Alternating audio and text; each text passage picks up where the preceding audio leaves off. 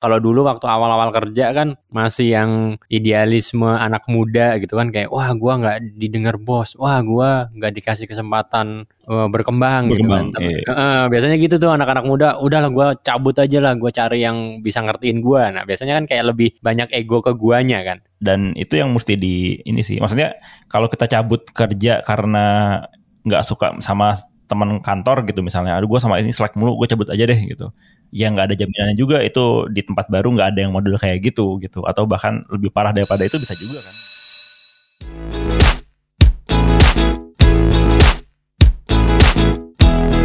Eh ini episode yang agak spesial nih karena kita Pakai telur.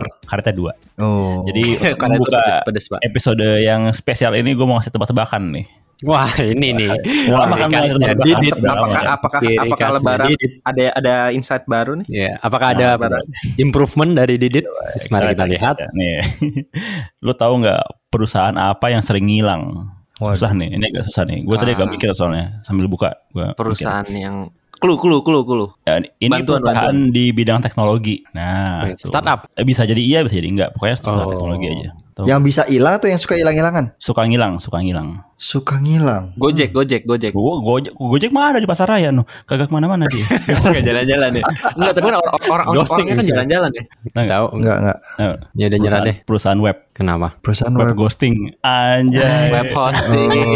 Oke oke. Hosting, Web web hosting. Gimana guys? Iya, iya, Oke, iya. oke, oke. Iya, iya. Gue dikasih Iya. angpau gak nih? Kasih angpau gak? Lucu gak nih? Kasih angpau gak? Siapa nih yang dapat tampil? Boleh lah nanti na- Iya. nanti kita minta ke produser deh. Oh iya iya iya. iya. Ya, gue cuma takut aja gue salah ngelawak gitu, jadi akhirnya bikin konflik di antara kita gitu. Nah ini kan agak gue Wah, Oh, lah. jangan dong. Kita baru Aduh. baru baru lebaran, masa Oh, udah iya. konflik, ya kan? Baru maaf-maafan. Gue biasanya konflik tuh sarapan sih, sarapan gue pakai konflik.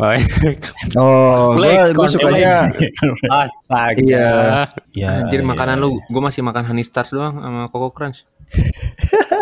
Apa-apa lah. Yang penting yang penting eh, percampuran antara Honey Stars dan Coco Crunch tidak membuat konflik di wadah Nulram.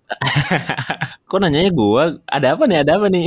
Eh, Kita kan mau membahas konflik setelah lebaran atau biasanya kan kalau lebaran kan ada bursa transfer kan. Nah, Jadi banyak orang-orang baru di kantor baru ya. Yoi. Iya beres kan beres THR segala macam bonus bonus udah beres tuh di awal tahun. Nah, berarti udah komplit. Oke, apalagi nih kerjaan baru, tempat baru.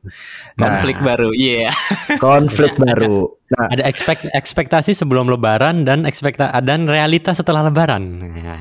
Nah, mungkin mungkin mungkin terutama gini mungkin jadi kan pas eh, pas kita apa proses ke tempat baru kita punya suatu ekspektasi gitu kan Yoi. Eh, kita mungkin diceritainnya kayak gimana terkait dengan si company-nya terus setelah lebaran akhirnya kita first day di kantor baru eh ternyata realitanya sangat berbeza dengan apa yang kita ekspektasikan di awal Oh, gitu Ini nah pengalaman apa? Pengalaman apa? masalahnya enggak ini kan enggak enggak ini dari dari beberapa teman sih sebenarnya Nah, oke. Iya, ada ada ada, ada Eh, teman-teman kita yang kerja di startup gitu sih. yang lebih krusialnya adalah kalau misalkan kita udah beberapa waktu di suatu perusahaan atau suatu organisasi, mungkin kita udah tahu nih konfliknya itu biasanya bakal kayak gimana, terus gimana kita bakal handle atau mungkin kita take sides gitu kan. Nah, anak baru ketemu konflik baru harus ngapain tuh? Kayaknya itu eh, gara-gara kita berekspektasi deh. Ini ini kecenderungan ya, kecenderungan orang ketika meninggalkan yang lama, habis itu menuju yang baru, kita berekspektasi gitu kan. Ini baik apa pun nih, baik dari apa kantor, hubungan gitu ya. Biasanya kalau ada konflik yang lama pasti berekspektasi nih yang baru. Wah ini gua pasti bakalan lebih happy nih. Wah gua pasti nggak akan eh, apa sedih, nggak akan kecewa lagi nih sama yang baru. Ini udah the best gitu kan. Tapi sayangnya gitu kan. dunia tidak seperti itu kawan gitu kan. Selalu ada konflik. Jadi biasanya ya kalau gua nge- ngelihatnya sih ya pasti akan ada aja sih baik itu lo udah sempurna apa itu pasti akan ada konflik Cerita lah Ji, gimana gimana? Maksudnya, iya kita tahu pasti semua di semua tempat juga ada konflik gitu ya. Cuman kayak Hmm. gimana sih dan lu nyingkapinnya kayak gimana? kalau kalau kalau gue nyikapinnya gini sih jadi eh, mulai mulai dari eh, ya setelah gua eh, pindah gitu ya terus pindahan yang terakhir itu ya udah gue bilang kayak gua akan ada konflik lagi nih gitu ya tapi mungkin gua akan lebih dewasa buat menyikapinya misalnya gitu jadi ya udah jadi kalau sekarang misalnya di kerjaan sekarang nih gua ada ada apa kayak nggak sukanya atau ada nggak enaknya gitu ya gue selalu mikirnya oh ya udah eh, ini udah gue pilih gitu kan. Dan memang ini tempat gue buat belajar gitu. Gitu sih. Jadi eh, mungkin karena umur juga kali ya. Kalau dulu waktu awal-awal kerja kan masih yang idealisme anak muda gitu kan kayak wah gue nggak didengar bos. Wah gue nggak dikasih kesempatan eh, berkembang, gitu Berkembang, kan. Tapi, iya. eh, biasanya gitu tuh anak-anak muda udahlah gue cabut aja lah gue cari yang bisa ngertiin gue nah biasanya kan kayak lebih banyak ego ke guanya kan gitu. Tapi kalau sekarang itu udah kayak lebih less ego gitu. Jadi kayak lebih mikirnya ah jangan deh kalau gue cabut eh, apa eh, tim gimana? Gitu kan. Kalau gue cabut ya belum tentu juga yang depan lebih baik gitu kan. Ya, jadi ya. lebih sedikit memikirkan diri sendiri lah gitu. Jadi akhirnya udah nggak terlalu gampang kepancing amarah menurut gue Oh masuk masuk. Jadi kalau ada konflik di suatu, misalkan di company kita sekarang ada konflik, aduh di sini nggak enak. Itu Hmm. terus kita pikirkan eksplisitnya langsung solusinya, oh udah pindah aja lah gitu kan. Padahal Iya. pindah pun bisa jadi ya apa ada aja kan konflik-konflik yang lain juga kan. Bisa yang Iya. itu hilang, cuman konflik baru datang atau bahkan bisa lebih parah juga kan. bener bener bener Ya, ya, ya. Mungkin kuncinya ya itu nggak ada yang jamin, nggak ada yang jamin nggak ada konflik, nggak ada yang jamin akan ada konflik. Betul. Terus Betul. gimana berarti? Berarti nggak nggak usah nggak usah nggak usah kerja aja gitu. Enggak kalau gue kalau gue ngeliatnya gini sih apa kalau kalau konflik ya konflik konflik ini kan ada banyak tipenya ya tapi kalau yang tipenya konflik manusia gitu antara manusia ke manusia gitu itu menurut gue sih pindah tempat ke mana pun pasti bakal tetap ada kan Ya karena selama selama bekerja Selama- untuk manusia, kecuali Iya, lo iya, iya. pindahnya ke Mars gitu ya. ya nggak tahu kalau di sana ada manusia gimana ya Oh iya. Iya, kalau lu di Mars kerja untuk manusia kan? Kalau alien lebih ribet dari manusia Iya, gimana? gimana? Anjir nih alien ngebutin gue aja dah. Balik Iya. bumi apa gitu kayak. gitu. Iya iya iya iya. Ya gue ngeliatnya gitu. Artinya gini kan sering sering kali yang bikin cabut itu kan konflik antar manusia ya. Jadi misalnya nih, aduh gue gak suka sama bos gue, gue cabut aja deh gitu. Hmm. Tempat tempat baru kan juga belum tentu bosnya enak. Konflik antar manusia tuh menurut gue sih beda tempat ya bakal tetap ada dan pasti beda bentuk konfliknya gitu. Dan itu yang mesti di ini sih. Maksudnya kalau kita cabut kerja karena nggak suka sama teman kantor gitu misalnya, aduh gue sama ini slack mulu, gue cabut aja deh gitu. Ya nggak ada jaminannya juga itu di tempat baru nggak ada yang model kayak gitu gitu. Atau bahkan lebih parah daripada itu bisa juga kan gitu. Cuman kalau kalau kayak gitu berarti apakah apakah kalau misalnya kita punya konflik di tempat yang sekarang itu berarti akan akan menjadi alasan yang tidak tepat akan akan selalu jadi alasan yang tidak tepat untuk kita pindah ke tempat baru. Kalau menurut gue iya, karena eh tapi tergantung ya, ini tergantung tipe konflik ya balik lagi kan beda-beda ya. Kalau misalnya sekedar nggak cocok gitu, jadi kalau nggak cocok terus gue cabut gitu, itu menurut gue agak nggak bijak karena berarti kita mungkin belum bisa mengontrol ego kita gitu sehingga akhirnya ada ketidakcocokan itu gitu. Tapi Hmm. kalau misalnya udah lebih yang lebih parah misalnya wah si orang ini udah cenderung bahkan mungkin cenderung kriminal ya. Nah itu mah ya yang nggak ada salah cabut-cabut aja lah gitu. Ya, Tapi intinya kalau sih udah- jangan mengambil keputusan ketika kepala panas ya, Dit ya. Nah, itu betul betul. Mungkin diademin dulu, habis itu tidur semalam gitu ya, Iya. dipikir nih yang salah siapa. Berarti tipsnya kalau misalkan lagi konflik makan es krim gitu kali ya. Biar dingin, biar dingin. Iya, Biar, iya. Biar dingin. Benar. Ya, ya, ya. Iya, konflik langsung Netflix and chill biar dingin kan chill banget. Oh. Terakhir ada ada, ada episode tambahan kirain- Kirain konflik and chill, konflik and chill. konflik and chill. tuh, iya. Oh iya. iya. Emang paling enak sih abis konflik langsung eh, eh, eh, ini ke mana-mana omongan gue pura-pura nggak tahu iya, aja sih. iya. Kenapa panjang ini jadi? Iya panjang ya, nanti panjang, nanti panjang. Kita jadi ngomongin kon yang lain gawat. Abis konflik gimana gimana dit? Chill. Chill. Iya, abis chill. konflik nge-chill. Langsung chill. Eh tapi berarti kan berarti kan kalau kalau gitu sebenarnya nggak nggak gitu ada apa ya nggak ada gitu jaminan kalau lu pindah ke tempat baru nggak nggak ada konflik sama dengan nggak ada jaminan eh, akan ada konflik gitu kan jadi intinya nggak ada yang bisa jamin Betul. Iya. nah eh, berarti apakah dengan kan kalau sekarang nih apalagi yang mungkin yang muda-muda ya yang tadi kan mungkin egonya eh, apa cukup tinggi eh, terus setiap nggak cocok setiap eh, kayak ngerasa aduh kerjaan gue sucks nih gue cabut ah gitu kan Eh, itu juga katanya kata lu tadi juga nggak nggak terlalu membantu gitu. Nah sebenarnya yang paling perlu dipelajarin di awal berarti apa? Self awareness berarti. Balik lagi ke situ dong atau Iya, gimana? Itu itu kan self, self awareness itu kan modal awal kita kan sebenarnya kan. Apa ya itu udah mau kita pindah mau nggak pindah itu ada di kita gitu. Nah kadang-kadang kalau menurut gua di tempat baru itu konfliknya kadang-kadang ya di tempat baru itu kita pas masuk kita mungkin nggak nggak dapat konflik apa-apa.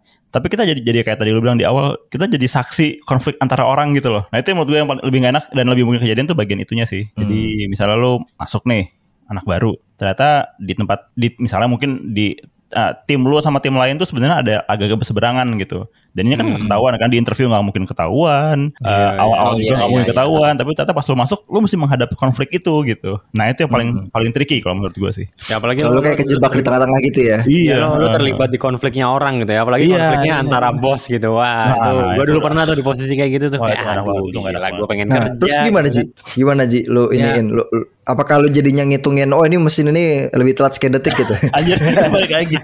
Balik lagi ke episode berapa gitu. Ini kita mengulang dari episode 1 ya.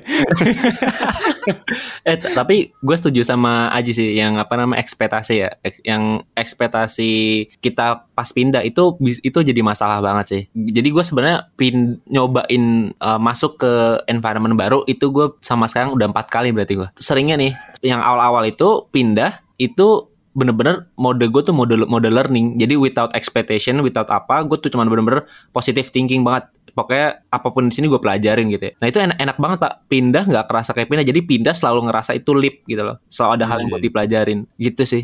Nah itu kan karena gue sebelum pindah emang tempatnya kayak nggak nggak ada ekspektasi seharusnya tuh kayak gini. Di company sebelumnya bagusnya kayak gini. Gue kan belum ada pertimbangan kayak gitu kan ya. Jadi ke depannya belum ada terlalu ekspektasi. Nah gue penasaran nih kayak misalkan apalagi kayak misalkan Pau Aji terus Didit gitu ya. Kalau pindah kan kalian udah ngebawa sebuah pengalaman kan? Ngebawa oh sebelumnya udah udah apa namanya berpengalaman lama di sini. Ketika pindah ke suatu tempat ternyata tempat itu baik better ataupun uh, ada kekurangannya itu kalian gimana ya nanggepinnya? Gua mungkin tapi tapi terakhir kali gua keluar dari yang sebelumnya gue juga based on konflik ya, tapi konfliknya eh, berkepanjangan gitu sih. Nah, ini ya mungkin pelajarannya adalah kalau kalau menurut gue ya, jangan sampai lo keluar dari satu kantor itu gara-gara satu konflik itu gitu.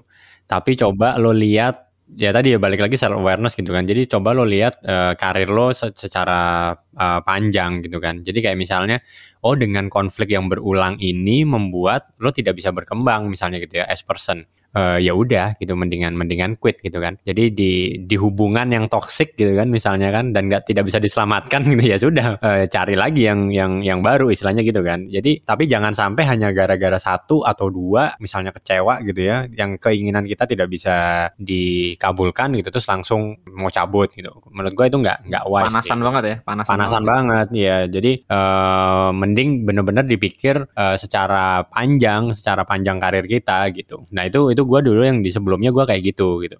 Nah terus setelah pindah eh, yang sekarang gitu kan eh, sekarang gue udah hampir dua tahun lah ya di di posisi gue yang sekarang ya akhirnya ketika mulai panas gitu ya terus gue selalu balikin lagi gitu kayak sebenarnya cita-cita gua apa sih gitu kan? Sebenarnya mimpi gua plan gua target gua itu apa gitu kan? Nah terus gua lihat oke eh, target-target gua dan rencana-rencana gua itu masih bisa tercapai dengan gua stay di sini asalkan gua nggak panasan misalnya gitu kan? Nah kalau misalnya gua cabut itu gua nggak tahu di apa di kantor atau di perusahaan mana lagi yang bisa fulfill plan gua misalnya gitu. Eh, lo harus bener-bener eh, mikir banget. Kalau gua lebih lebih ke self eh, tadi plan lo gitu.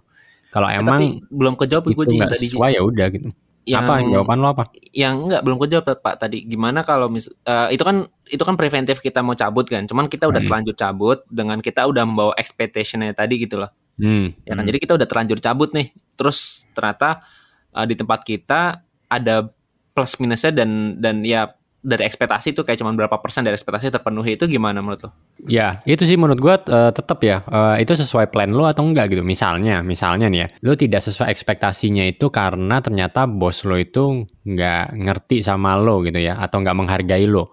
Tapi ketika lo stay di sini, lo bisa belajar teknologi baru misalnya gitu. Mis- Misalnya nih anak-anak tech gitu ya, jadi kayak eh, plan lo itu lo menguasai teknologi A misalnya. Dengan lo stay, lo bisa belajar itu walaupun lo kecewa sama bos lo mhm. Itu kan akhirnya bisa membuat lo ya udah mending gua stay. Gua eh, enam bulan deh atau setahun deh misalnya gitu ya. Gua gua tahan-tahanin deh serah-serah lah bos gua mau ngapa. Yang penting gua teknologi ini bisa gua selesai setelah setahun gua bisa cari lagi yang lebih bagus tapi yang penting gua udah menguasai teknologi A gitu.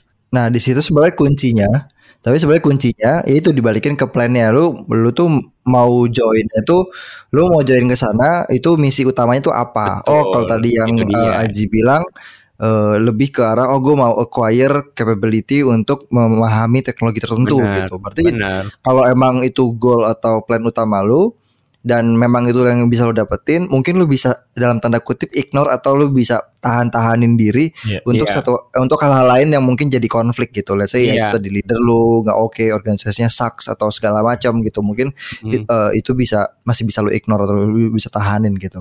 Ya, nah, benar. cuman kalau misalkan lu ngerasa oke, gue mau eh, join ke apa ke company yang lebih melihat gua dan bisa nurturing gue gitu sebagai eh, individu misalkan kayak gitu goalnya dan pas lu masuk ternyata lu ngerasa nggak ngedapetin itu menurut gue solusinya juga bukan cabut tapi lebih ke clarify Betul. bahwa memang apakah itu akan lu dapetin nantinya validasi lagi gitu kan lu cek lagi kenapa karena menurut gue itu tuh satu hal yang harusnya bisa lu korek-korek pas lu interview nah itu yang juga gue pelajarin Contohnya, Jadi- contohnya, contohnya gimana? Oke, Kok? contohnya eh, berarti pas lu kayak misalkan lu lagi explore eh, opportunity baru gitu kan atau ada yang reach out ke lu gitu kan. Nah, di situ eh, mungkin dari awal kita set expectationnya quite low gitu ya. Hmm. Eh, jadi kita nggak terlalu expect banyak, tapi justru dengan kita ekspe- ekspektasi kita yang nggak nggak tinggi, kita explore sebenarnya Benar. pertama kan kita udah punya plan nih oke kalau gue mau eh, apa my next step apa my next endeavor itu mau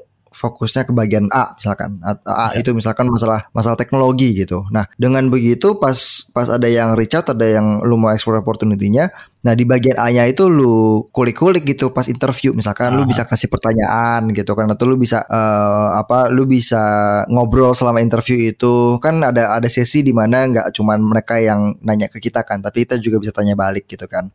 Nah Hmm. mungkin dari situ itu satu. Yang kedua adalah riset. Riset itu misalkan lu punya temen lu punya temen nggak di company yang lu lagi proses gitu. Atau lu punya kenalan nggak? Atau lu- bisa reach out gak di LinkedIn gitu ke orang-orang yang let's say bakal jadi leader lu gitu. Hmm. nah dengan begitu kan lu bisa cari tahu juga di luar interview oh ternyata uh, approach mereka terhadap teknologi ini seperti ini. Ini uh, related gak dengan ya atau relevan gak dengan yang gue cari gitu mungkin ya pas di awal-awal pas lu fresh grad lu nggak terlalu banyak mempertimbangkan hal ini atau melakukan hal ini gitu untuk riset dan segala macam mungkin lu ngeliatnya oh those big names in the company atau oh the company is something that uh, apa some some companies that uh, will will will make my CV shines gitu Ya. misalkan oh Ya. all those big names segala macam nah ke depannya misalkan setelah lu uh, bakal join ke ke company yang kedua, ketiga, nah itu kayaknya itu lebih bisa lu refine Betul, gitu, lu betul. bisa Betul. bisa lu pertajam lagi sebelum lu join. Nah,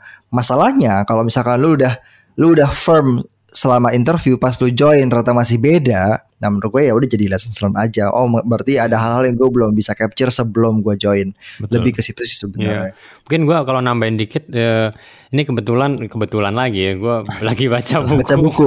Iya. Akhirnya baca buku lagi. Kita, Iya, kita akhirnya harus baca buku harus lagi. harus bikin harus bikin bumper deh kayak kebe- kebetulan Aji dan bukunya Iya, gitu iya. loh. Ya, tapi ini ini ini bener nih, gue nggak tahu kenapa ya. Jadi gue lagi baca buku judulnya Leading Without Authority. Jadi gimana caranya lo itu bisa dianggap leader ketika lo itu masih di early profesional gitu. Mhm. Nah, yang menariknya itu ternyata di buku ini itu salah satunya adalah ketika lo itu masih early profesional, lo itu jangan demand banyak gitu. Jadi lo jangan berekspektasi kayak gua pengen belajar boleh gitu ya, tapi lo jangan kayak lo pertama kerja itu jangan pokoknya gua harus dapat ini, pokoknya gua harus belajar ini, pokoknya bos gua harus ngasih ini, pokoknya bos gua harus kasih gua akses dan sebagainya. Itu ternyata bukan mentalitinya leaders gitu. Jadi see, kalau mentality lo Hmm. itu leader, pasti ketika lo early, lo itu yang lo lakuin adalah lo membantu gimana caranya bos lo itu achieve gitu. Nice. Gitu. Nice. Dia tidak berekspektasi tapi dia deliver service. Itu yang ternyata di situ itu biasanya para leader yang orang hebat-hebat gitu ya, di early profesionalnya mereka tuh nggak demand tinggi gitu. Mereka tuh kasih kasih aja semua yang mereka bisa gitu. Jadi eh, akhirnya di situ di buku itu dibilangnya udah kalau lo masih early, lo tanya aja bos lo walaupun misalnya lo nggak suka sama bos lo gitu ya, misalnya bos lo nggak sopan lah apalah gitu. Tapi udah lo usahain semaksimal mungkin gimana bos lo itu bisa mencapai targetnya dia gitu. Nah dari situ kelihatan nih, oh nih anak memang eh, leader gitu ya. Dia can do mindsetnya tinggi dan dia pengen deliver more gitu. Gitu. Itu menurut buku Iya. itu gitu. Karena ada yang ada yang bilang a great leader is a great follower ya. Bener bener. Apa ya? Apa yang bisa dilakukan biar kita tuh menghemat waktu sehingga kita bisa memanage konflik yang ada gitu. Maksudnya kita bisa menghandle konflik. Kalau gue gini, kalau menurut gue gini, eh, yang paling utama ini masalah mindset soalnya ya. Dan ini mungkin juga bisa dipupuk, dipupuk bahkan sebelum pas masih kuliah gitu sebelum lulus. Bukan di puk-puk ya, puk-puk-puk. Konflik itu jangan dihindari tapi dihadapi gitu. Itu yang kan ada orang-orang yang sukanya ngindarin konflik kan. Mungkin lebih aman gitu maksudnya kan misalnya ah gue tahu nih misalnya nih ya, masih kuliah nih, masih kuliah, masuk ke panitiaan udah tahu kita bakal kerja bareng sama orang yang yang nggak klop sama kita akhirnya kita ya udah deh gue pindah bagian aja deh gitu itu tuh menghindari konflik Hmm. Tapi kalau Hmm. menghadapi konflik artinya ya udah apa pun jadi terjadilah, gue kerja bareng kerja bareng. Nanti kalau ada konflik ya gimana caranya gue hadapi gitu. Mau Perlu pilih-pilih konflik gak? Per- Kayak misalkan, wah ini konfliknya terlalu gede, gua nggak bisa gitu. In a way perlu, tapi lama kelamaan sebenarnya itu ya itu kan itu cerdas ya milih-milih konflik itu cerdas menurut gue. Tapi Hmm. eh, gue rasa kita nggak akan selalu bisa ada di posisi kita bisa milih konflik. Jadi Oke. kadang-kadang gue sih kalau males ya udah gue hadapin aja apa pun yang kejadian gitu. Iya. Is, mantap. Kap- ini Kapten Ya, ya, maksud- David Sparrow, Anjir. tapi seorang pelaut ulung. yang, yang, yang- menurut gue yang penting itu waktu lo konflik jangan kebawa emosi karena kata gue lupa kata siapa ya karena pas lo emosi lo akan ngomong kata-kata yang eh, Lu akan regret. Iya lo akan menyesali gitu jadi hati-hati Kalau yang emosi bukan kitanya tapi yang sananya gimana, Dit? ya udah Bos lo ya, anjir gue salah salah ambil orang gitu. Gua gaji mahal-mahal Enggak, gitu ya. enggak lo, lo lo bisa ngasih tahu gitu Ram. Eh, Pak, kata teman-teman saya, jangan mengambil keputusan pada saat Bapak emosi. tambah, tambah, tambah, tambah marah kayak Dia bilang saya tahu, saya tahu Bapak pasti lagi emosi ya kan.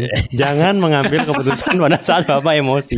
Ntar malah makin emosi Ji kalau gitu kan. gini Ram dan saya telah memilih konflik ini dengan bapak anjir iya. saya, saya yakin Pak, konfliknya Bapak dengan saya itu bisa menumbuhkan Bapak juga Pak. Enggak, enggak. Sekarang gue tanya, kalian pernah nggak ngomong kayak gitu beneran?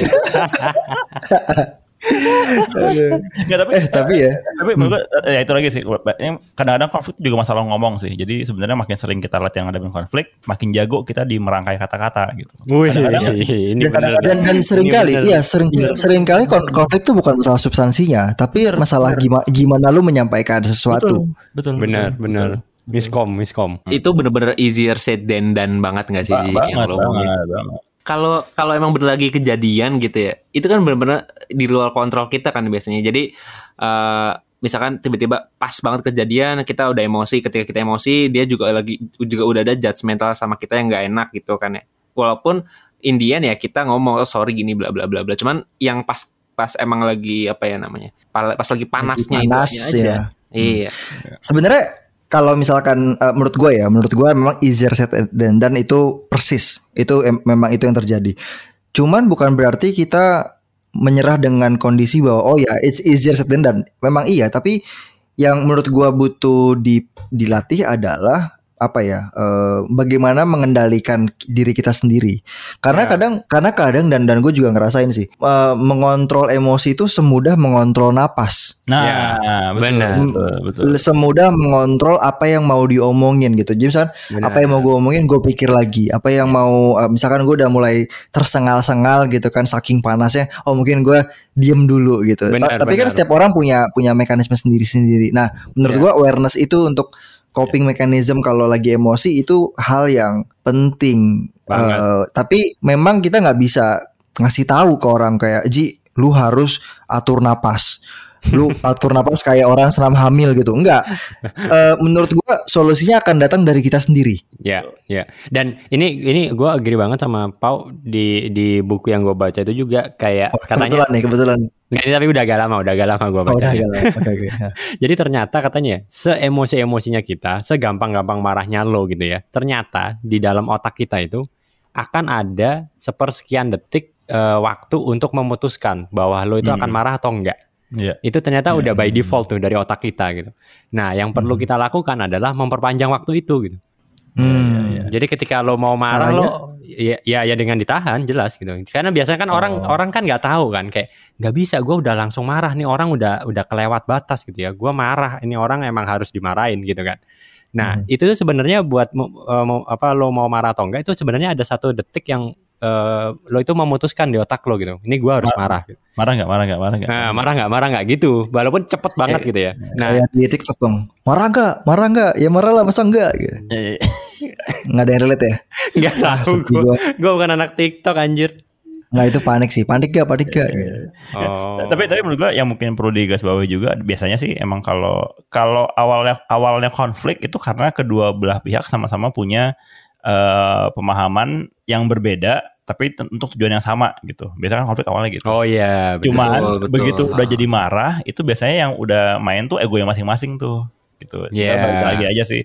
Maksud gue gini, kalau lu marah-marah dan lu mengalahkan orang yang pakai kemarahan lu, ya sebenarnya kan yang lagi lu menangin kan ego lu gitu.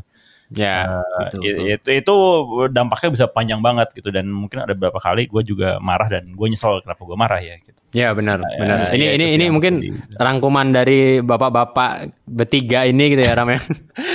Ternyata banyak yang lebih kita sesali dengan kemarahan daripada yang tidak kita sesali. Jadi jaga baik-baik amarahmu anak muda.